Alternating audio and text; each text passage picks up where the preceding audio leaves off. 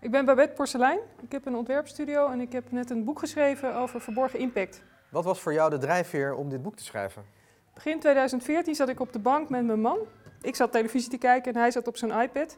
Ik dacht even, nou, wat zijn we nou aan het doen, weet je wel? Dus uh, ik die televisie uit, ik zei, doe die iPad weg. Ik zei, nee, wacht even, ik heb hier iets heel interessants. Ik ben uh, gaan kijken naar uh, hoeveel we eigenlijk ontbossen. Moet je eens kijken. We, er verdwijnen 200.000 bomen per dag meer dan erbij komen. Ik heb ondertussen uitgezocht dat er nog veel meer zijn, maar ik schrok er wel van.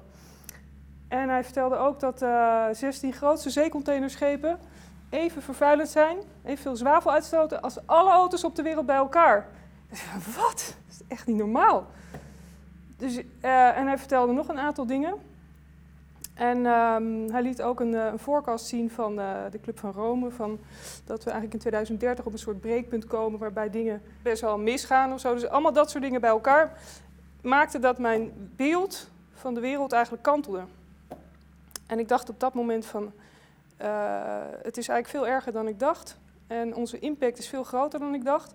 En er gebeuren allemaal dingen buiten ons zicht die heel ernstig zijn. En ik wist het niet. Waarom wist ik dit niet? En ik vond het heel belangrijk. Um, ik dacht van dit moeten mensen weten. Dus uh, dat vond ik heel belangrijk. En daarom ben ik begonnen met. Ter plekke heb ik het bedacht: Think Big, Act Now. En um, toen ben ik daarmee begonnen en niet meer gestopt. En ik had toen nog niet het idee om een boek te maken, maar ik ben wel begonnen met onderzoeken hoe zit het allemaal. En daarna ben ik een boek gaan maken. Wat is voor jou de essentie van schrijven? De essentie van schrijven voor mij is eigenlijk, nou, schrijven is voor mij meer een middel dan een doel om een verhaal te vertellen. Um, ik had misschien ook een film kunnen maken of, um, of kunnen gaan bloggen of andere dingen kunnen doen. Ik heb gekozen voor een boek omdat het een, uh, afgesloten project is. Dat kan ik afronden. En de essentie van schrijven voor mij is dus um, om mijn verhaal zo duidelijk mogelijk te kunnen vertellen. Wanneer is het boek uitgekomen en uh, hoe lang heb je eraan gewerkt? Het boek is uitgekomen in mei, eind mei 2016. En ik ben begonnen met schrijven in september 2015. Dus ik ben iets van uh, negen maanden bezig geweest. Er is natuurlijk heel veel voorwerk aan vooraf gegaan. Maar dat ik echt volle bak aan het schrijven was, dat was negen maanden. Wat kan het schrijverschap uh, of het schrijven moeilijk maken? Ja, wat het schrijven soms moeilijk kan maken is um, als je geen geld hebt.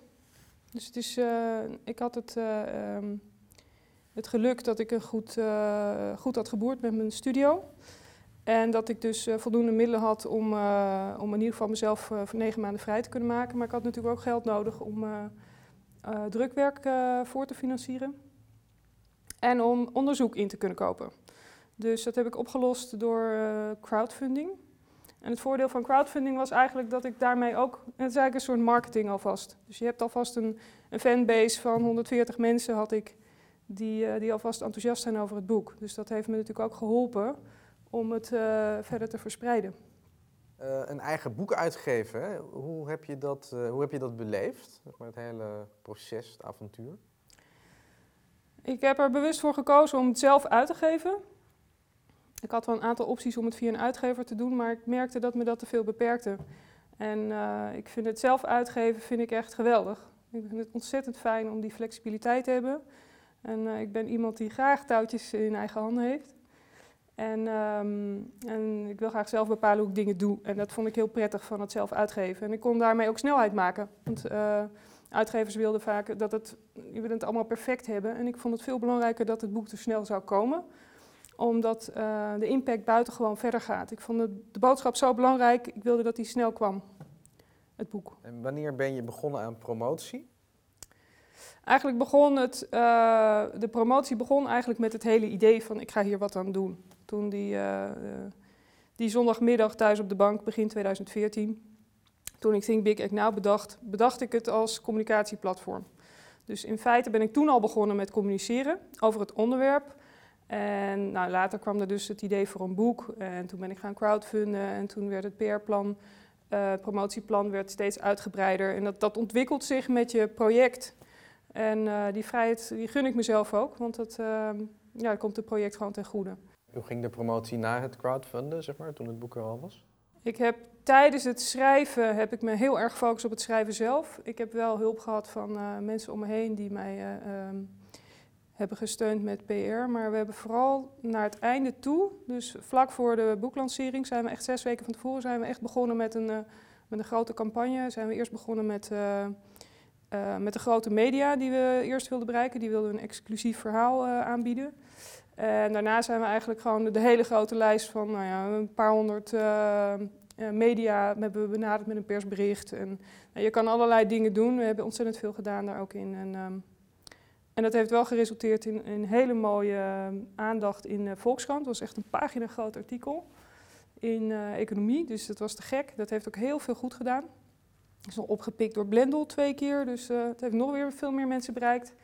Ja, en daarna is het helemaal losgegaan. Ik, uh, ik heb echt iets van 30, 40, ik weet niet eens hoeveel uh, blogs zijn er al over geschreven, artikelen verschenen. En, ik, ik heb zelf natuurlijk heel veel daaraan gedaan, maar er is ook heel veel wat er gebeurd is zonder dat ik daar ook maar iets van af wist zelfs. Dus dat, dat, dat neemt een loopje en dat is echt te gek.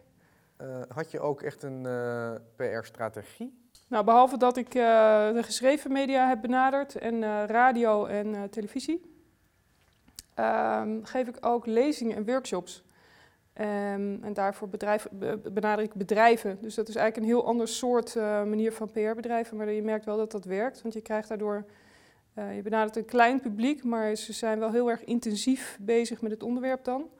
En je merkt dat je daar ambassadeurs van krijgt. En die zijn heel waardevol. Je hebt eigenlijk ambassadeurs nodig, mensen die, die jouw verhaal voor jou willen verspreiden. Ik heb nu echt te gek hoor. Er zijn echt een paar mensen die, die kopen er zijn een paar mensen die hebben tien boeken of dertig boeken zelfs. Een paar mensen hebben zelfs dertig boeken al gekocht om te kunnen verspreiden onder hun vrienden en, uh, en bekenden en mensen, collega's, mensen uh, uit hun professionele netwerk. Die ze gewoon mijn boek gaan geven. Nou, dat, dat is de beste PR die je kan hebben. Wat adviseer je auteurs in SP op het gebied van schrijven en promotie? Ik zou mensen die een boek willen gaan schrijven, uh, heb ik wel een aantal tips voor.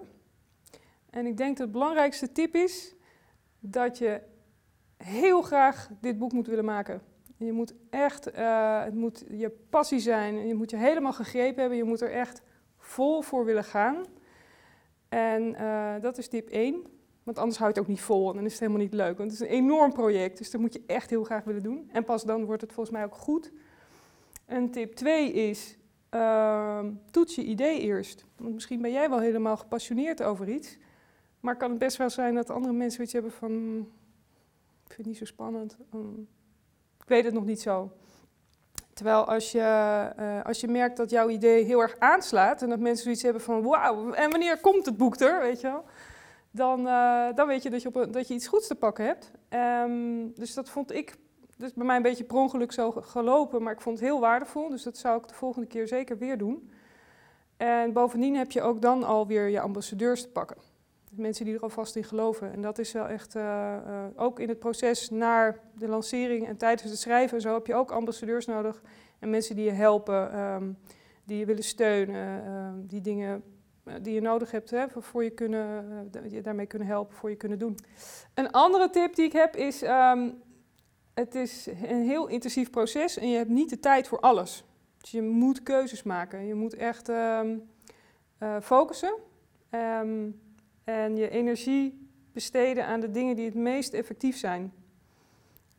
Um, want anders dan, dan gaat het echt alle kanten op. Je kan zoveel doen, ook met je promotie. Je kan zoveel energie steken in, in van alles en nog wat. Dus het is heel belangrijk om te bepalen wat het meest effectief gaat zijn en dat echt goed te doen. Dus focus aanbrengen. Mijn laatste tip is, um, ik vergelijk promotie maken wel eens met een huis bouwen. Dat begint met een goed plan. Het plan van zo gaat het eruit zien. En vervolgens is dat steentje voor steentje bouwen. Je kan niet een huis bouwen met één baksteen. Daar heb je echt een heleboel stenen voor nodig. Dus uh, promotie is uh, niet een kwestie van één keer bam een artikel in de Volkskrant en nu ben ik klaar. Maar dan begint het pas. Het is gewoon bouwen en doorbouwen en uh, het is een proces. En ehm, zeker omdat de media nu zo versnipperd zijn, dus moet je echt op, op veel terreinen tegelijk en, en blijven doorgaan. En je merkt ook, ik merk in ieder geval zelf, bijvoorbeeld op social media, dat je als je uh, één keer iets post, dat gaat nergens over.